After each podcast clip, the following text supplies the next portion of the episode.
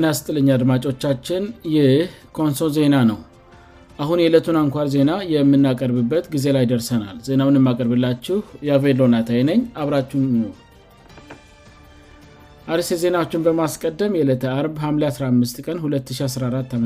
አንኳር ዜናዎችን አሰማለሁ የኮንሶ ዞን ዋና አስተዳዳሪ በኮንሶ ዞን ድርቅ እንጂ ረሃብ አልተከሰተም ማለታቸው ብዙችን እያነጋገረ ነው የደቡብ ክልል ምክር ቤት ለ2015 የበጀት ዓመት 463 ቢልየን ብር በጀት አጸደቀ ድሮፓዴ ሙርሙ 15ኛዋ የህንድ ፕሬዝደንት ሆነው ተመረጡ አሁን ዜናውን በዝርዝር አሰማለሁ የኮንሶ ዞን ዋና አስተዳዳሪ በኮንሶ ዞን ድርቅ እንጂ ረሃብ አልተከሰተም ማለታቸው ብዙዎችን እያነጋገረ ነው በኮንሶ ዞን በተከሰተው ተደጋጋሚ ድርቅና ግጭቶች ባስከተሏቸው መፈናቀሎች ከ190 በላይ ህዝብ ለረሃብ መጋለጡና በዚህም ረሃብ ሳቢያ 13 ህፃናት መሞታቸውን የኮንሶ ዞን የመንግሥት ተጠሬ አቶ ተስፋ የጫሬን ጠቅሶ ቢቢሲ መዘገቡ አይዘነጋም የዞኑ ዋና አስተዳዳሪም ሆነ ኢቲቪ በጉዳዩ ዙሪያ በሠራው ዘገባ ላይ የተናገሩት የተለያዩ የዞን መንግስት የስራ ኃላፊዎችም ድርቁ ረሃብ ማስከተሉንና ህዝብ አስቸኳይ ምግብ እርዳታ እንደሚያስፈልገው መናገራቸውም አይዘነጋም ይሁንና የኮንሶ ዞን ዋና አስተዳዳሪ አቶ ዳዊት ገበየው ሰሞኑን ለደቡብ ቴለቭዥን ኮንሶ ዞን ስላለበት ሁኔታ በሰጡትና ከአንድ ቀን በፊት በተላለፈ መልእክታቸው በኮንሶ ዞን የተከሰተው ድርቅ እንጂ ረሃብ አይደለም በድርቅና በረሃብ መካከል ልዩነት አለ ብለው በአጽኖት መናገራቸውን ተከትሎ አወዛጋቢ ንግግራቸው ብዙችን እያነጋገረ ይገኛል የኮንሶ ተወላጆችና የኮንሶ ወዳጆች ሁሉ ይህን የረሃብ አደጋ ለመቀልበስ በመረባረብ ላይ ባሉበት በዚህ ወቅት የዋና አስተዳዳሪው ያልተገባ ንግግር ብዙችን እያስቆጣ ይገኛል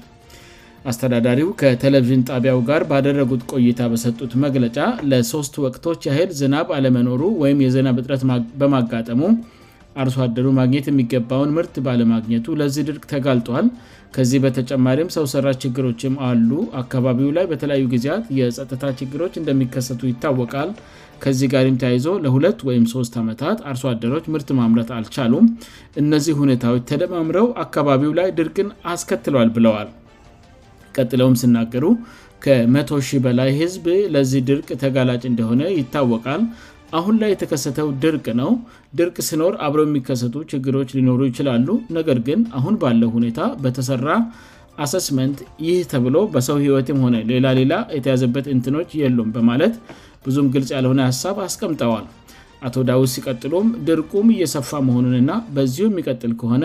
ብዙ ዜጋች ላይ ችግር እንደሚመጣ ጥናቱ ያሳያል እንጂ አሁን ባለው ሁኔታ የህይወትም ሆነ የሌሎች ጉዳቶች የተሟላ መረጃ የለንም ራሱ ድርቅና ረሃብም ይለያያሉ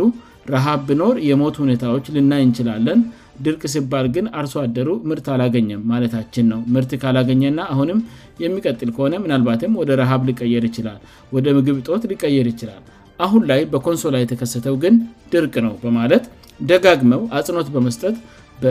ሶበኮንሶ ዞል ላይ አሁን የተከሰተው ድርቅ እንጂ ረሃብ አለመሆኑን ለማስረዳት ሞክረዋል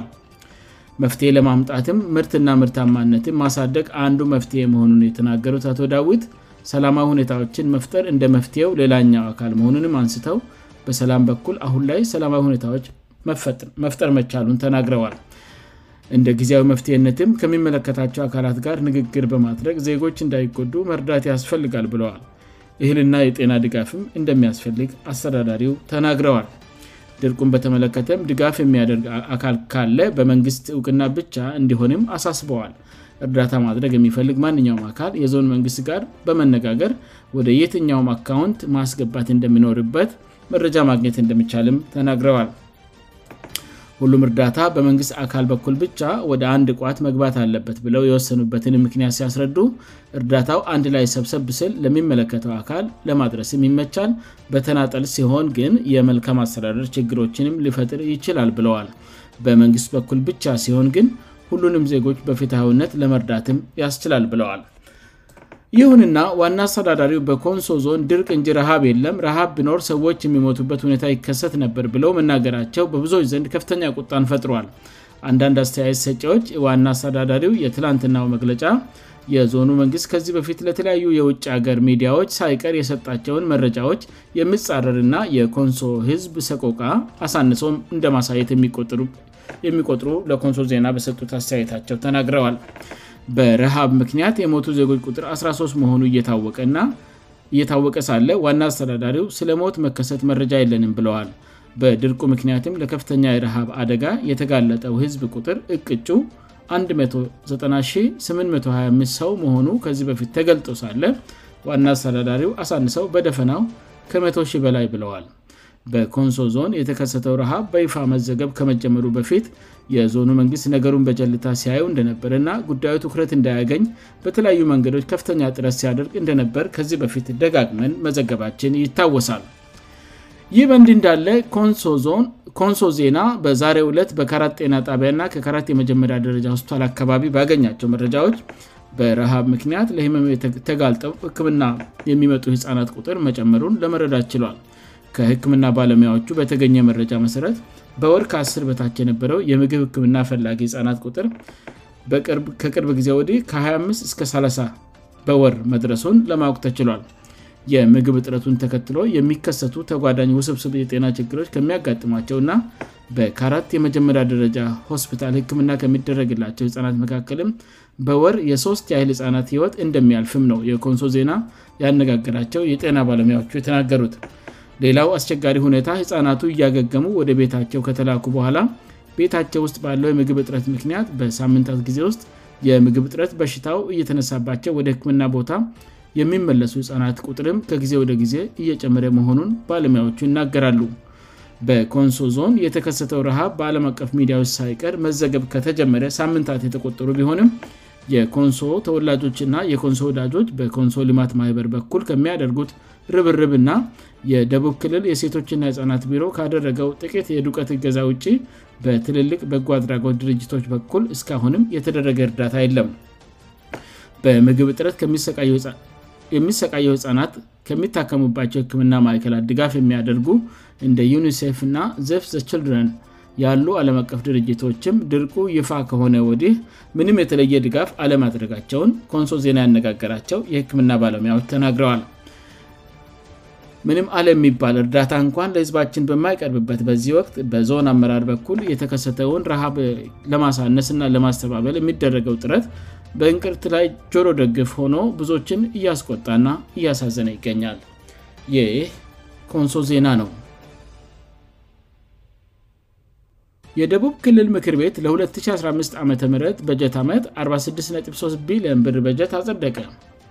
የደቡብ ብሔር ብሔረሰቦችና ህዝቦች ክልል ምክር ቤት ሲያካሄድ በነበረው ዛሬ በተጠናቀቀው ስስተኛ ዙር አንኛ ዓመት የስራ ዘመን ሁለተኛ መደበኛ ጉባኤ ለመጪ 215 ዓም በጀት ዓመት ለልማትና መልካም አስተዳደር ስራዎች ማስፈጸማ የሚውል ከ463 ቢሊየን ብር በላይ በጀት አጸደቀ በበጀት ዓመቱ ለሚከናወነው የክልሉ የመንግሥት ሥራዎችና አገልግሎት ሰጪ የሚሆነው በጀት በዋናነት ከፈደራል መንግስትና የክልሉ መንግስት ከሚያገኘው ገቢ የሚሸፈን ይሆናል ተብለል ከዚህ ጥቅል በጀት ውስጥ ከውስጥ ገቢ 17 ቢን918 ሚ8750 ከፈደራል መንግስት ዲጎማ እና ሌሎች ገቢዎች ደግሞ 28 ቢን 298 ሚ690 ከውጭ እርዳታ 98 ሚ9590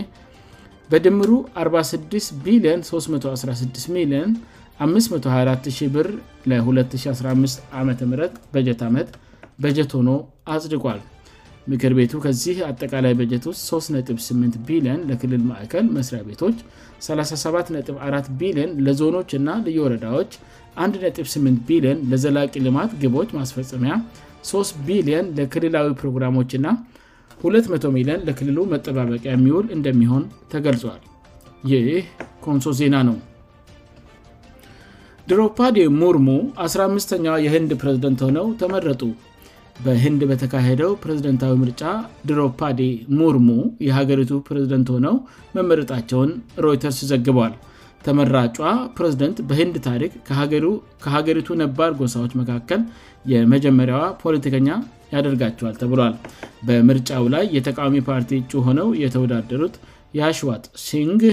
ከገዚው ፓርቲ እጩ ሆነው በቀረቡት ሙርሙ ተበልጠዋል ተመራጫ ፕሬዝደንት በሂንድ ታሪክ ሁለተኛዋ ሴት ፕሬዝደንትም ሆነውም ተመርጠዋል ተብሏል ህንድን ላለፉት 6 ዓመታት በፕሬዝደንትነት የመሩት ተሰናባቹ ፕሬዝደንት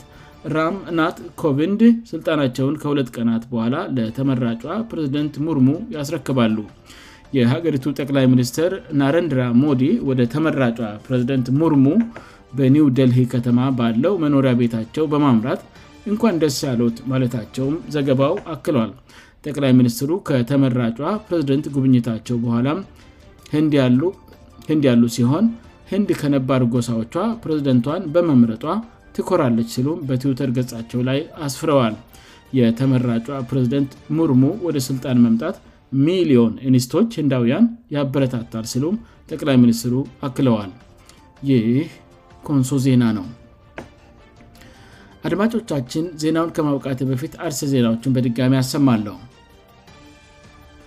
የኮንሶ ዞን ዋና አስተዳዳሪ በኮንሶ ዞን ድርቅ እንጂ ረሀብ አልተከሰተም ማለታቸው ብዙችን እያነጋገረ ነው የደቡብ ክልል ምክር ቤት ለ2015 ዓም በጀት ዓመት 463 ቢሊየን ብር በጀት አጸደቀ ድሮፓዴ ሙርሞ 15ኛ የህንድ ፕሬዝደንት ሆነው ተመረጡ ዜናው በዚያ በቃ አድማጮቻችን የዕለቱ አንኳር ዜናዎቻችን ይህን ይመስሉ ነበር ስላዳመጣችሁን እናመሰግናለን ከንሶ ዜና በቀጣይም በተመሳሳይ ዝግጅት እንደሚጠብቁት ተስፋ ያደርጋል እስከዚያው በደና ቆዩን